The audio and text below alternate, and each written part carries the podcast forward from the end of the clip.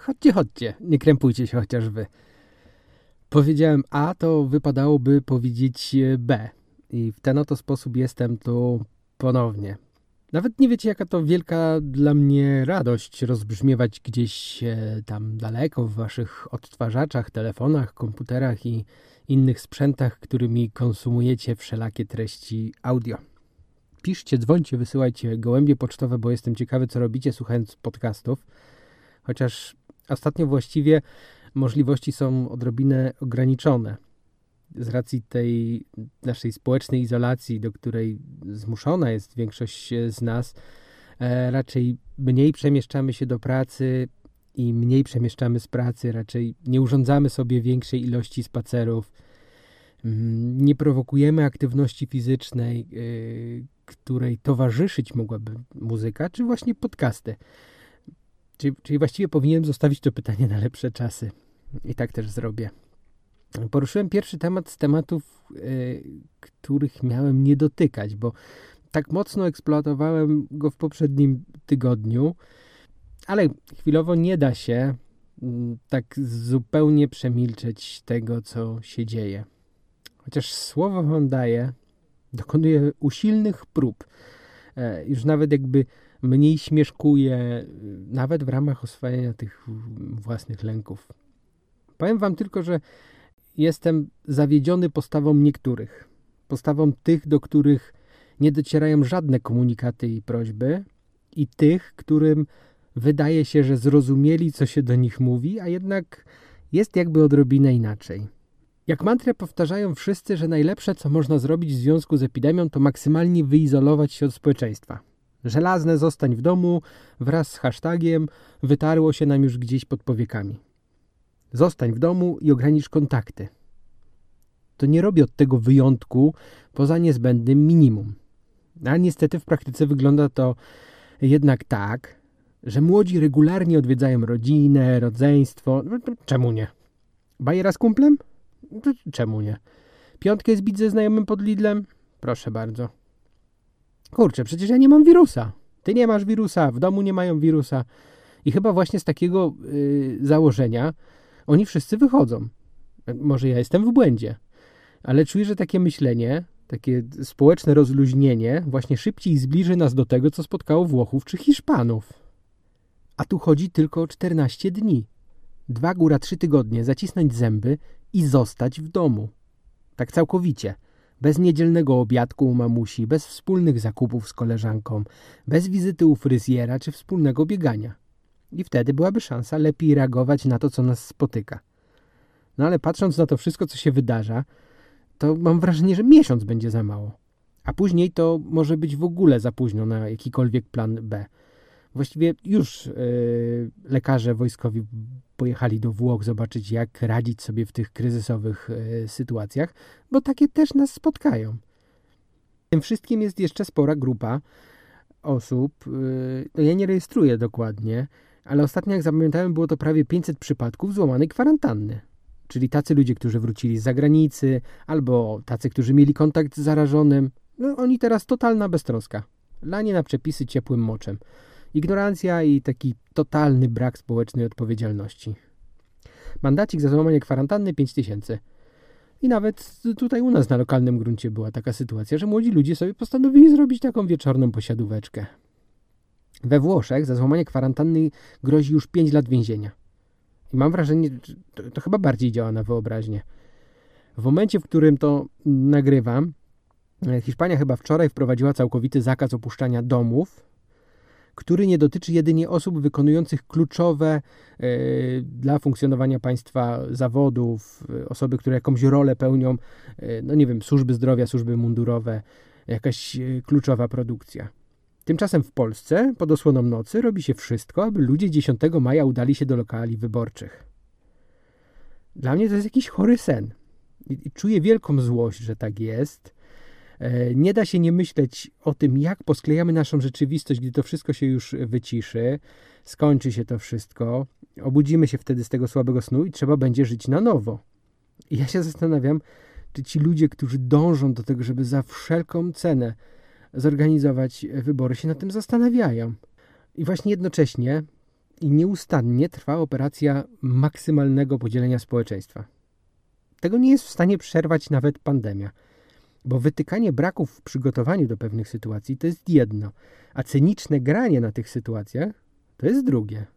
I zachowania dotyczą właściwie obu stron sporu. Bo tutaj walka polityczna trwa cały czas. I pytanie, co jest ważniejsze? To, że sytuacja w kraju jest y, dość kryzysowa, y, czy to, żeby ciągle na tej sytuacji, jak na każdej innej, robić politykę? Tylko, wiecie, ja już od jakiegoś czasu mam yy, wrażenie, że tego namnażania podziałów chyba nic nie jest w stanie już zatrzymać. I o czym pomimo wielu zapewnień przekonaliśmy się po raz pierwszy chyba, gdy umierał papież Jan Paweł II, albo powinienem powiedzieć nasz papież, bo tak mocno przez licznych jest to akcentowane, co najmniej jakby miało podkreślić nasz polski wkład w całym tym watykańskim przedsięwzięciu. Duma narodowa, która owszem, czasami potrafi jednoczyć, ale jednak wewnętrznie gdzieś jest y, dążeniem do ciągłego podkreślania tych nielicznych sytuacji, w których Polakom jednak coś się udało. Tak jakby podszyte lekkim kompleksem, brakiem wiary w to, że w ogóle mogło być to możliwe. Takie wytłumaczenie sobie znajduję. A druga taka sytuacja to katastrofa smoleńska.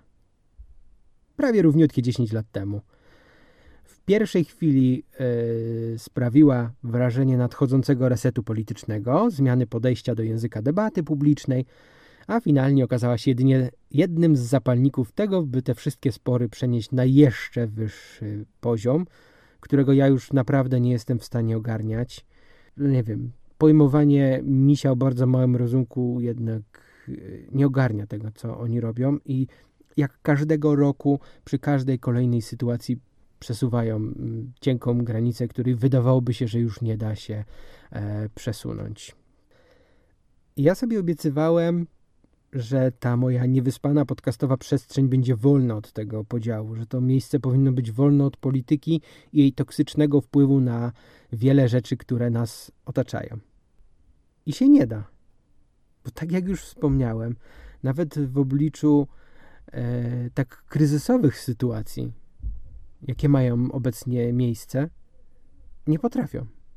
Nie potrafią skupić się na tym, co jest najważniejsze, tylko cały czas szukają winnych, cały czas prowadzą politykę, a tylko po to, by środek ciężkości przesunąć e, w swoim kierunku.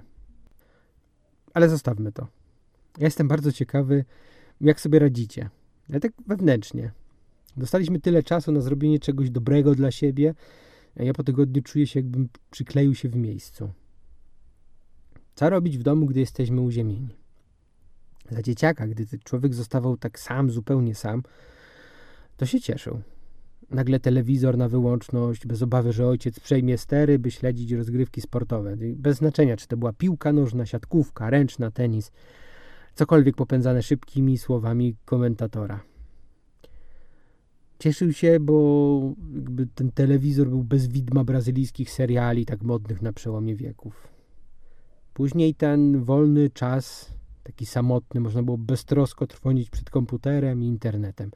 Z wypiekami na twarzy, czekać na piskliwy dźwięk modemu, zabierający w krainę stron internetowych, chatroomów, forum tematycznego, blogów i pozostałej reszty tego dobrodziejstwa, do której już tak przywykliśmy i tak jesteśmy przesiąknięci, że e, cały czas przyciąga nas swoim światełkiem, ale kiedyś e, było taką krainą nieodkrytą, której mogliśmy przebierać z dowolnością, a jednocześnie mieliśmy e, tak mało czasu na to, żeby móc to poznawać. Tylko to wszystko, mam wrażenie, było do czasu. Gdyż się człowiek nacieszył, to po jakimś czasie rozpoczynało się już czekanie, aż reszta domowników wróci, jak człowiek za długo siedział w czterech ścianach, to szukał ucieczki, to na świeże powietrze, chociażby do ogrodu. A teraz, poza nielicznymi niezbędnymi wyjściami, to odczuwamy jednak te zwężające się cztery ściany socjalnej izolacji. To nasze takie prywatne więzienie na e, parterze, pomimo, że to wszystko z założenia jest dla naszego własnego dobra. W tym wszystkim wytrychem dla mnie są jeszcze spacery z psami. regularny rytm wystukiwany ośmioma psimi łapkami, e, którego w stanie nie była zakłócić nawet pandemia.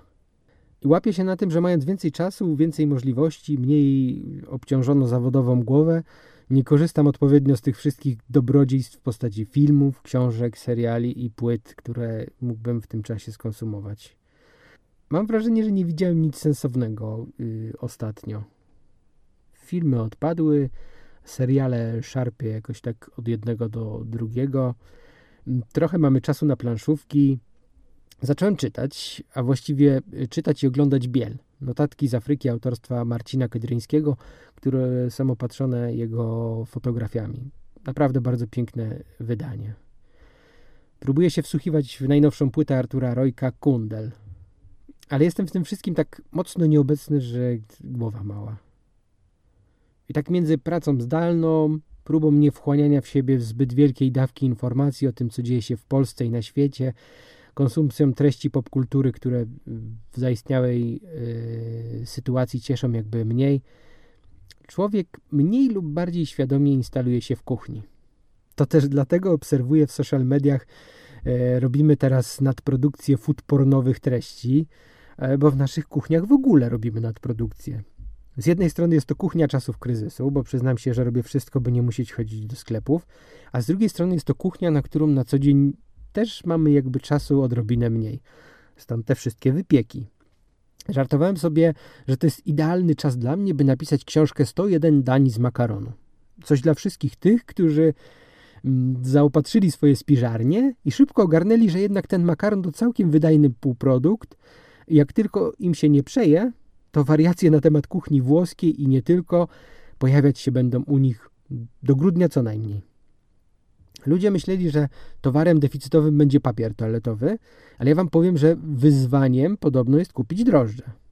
Nawet nie próbowałem się wysilać mocno i szukać, gdzie je kupić.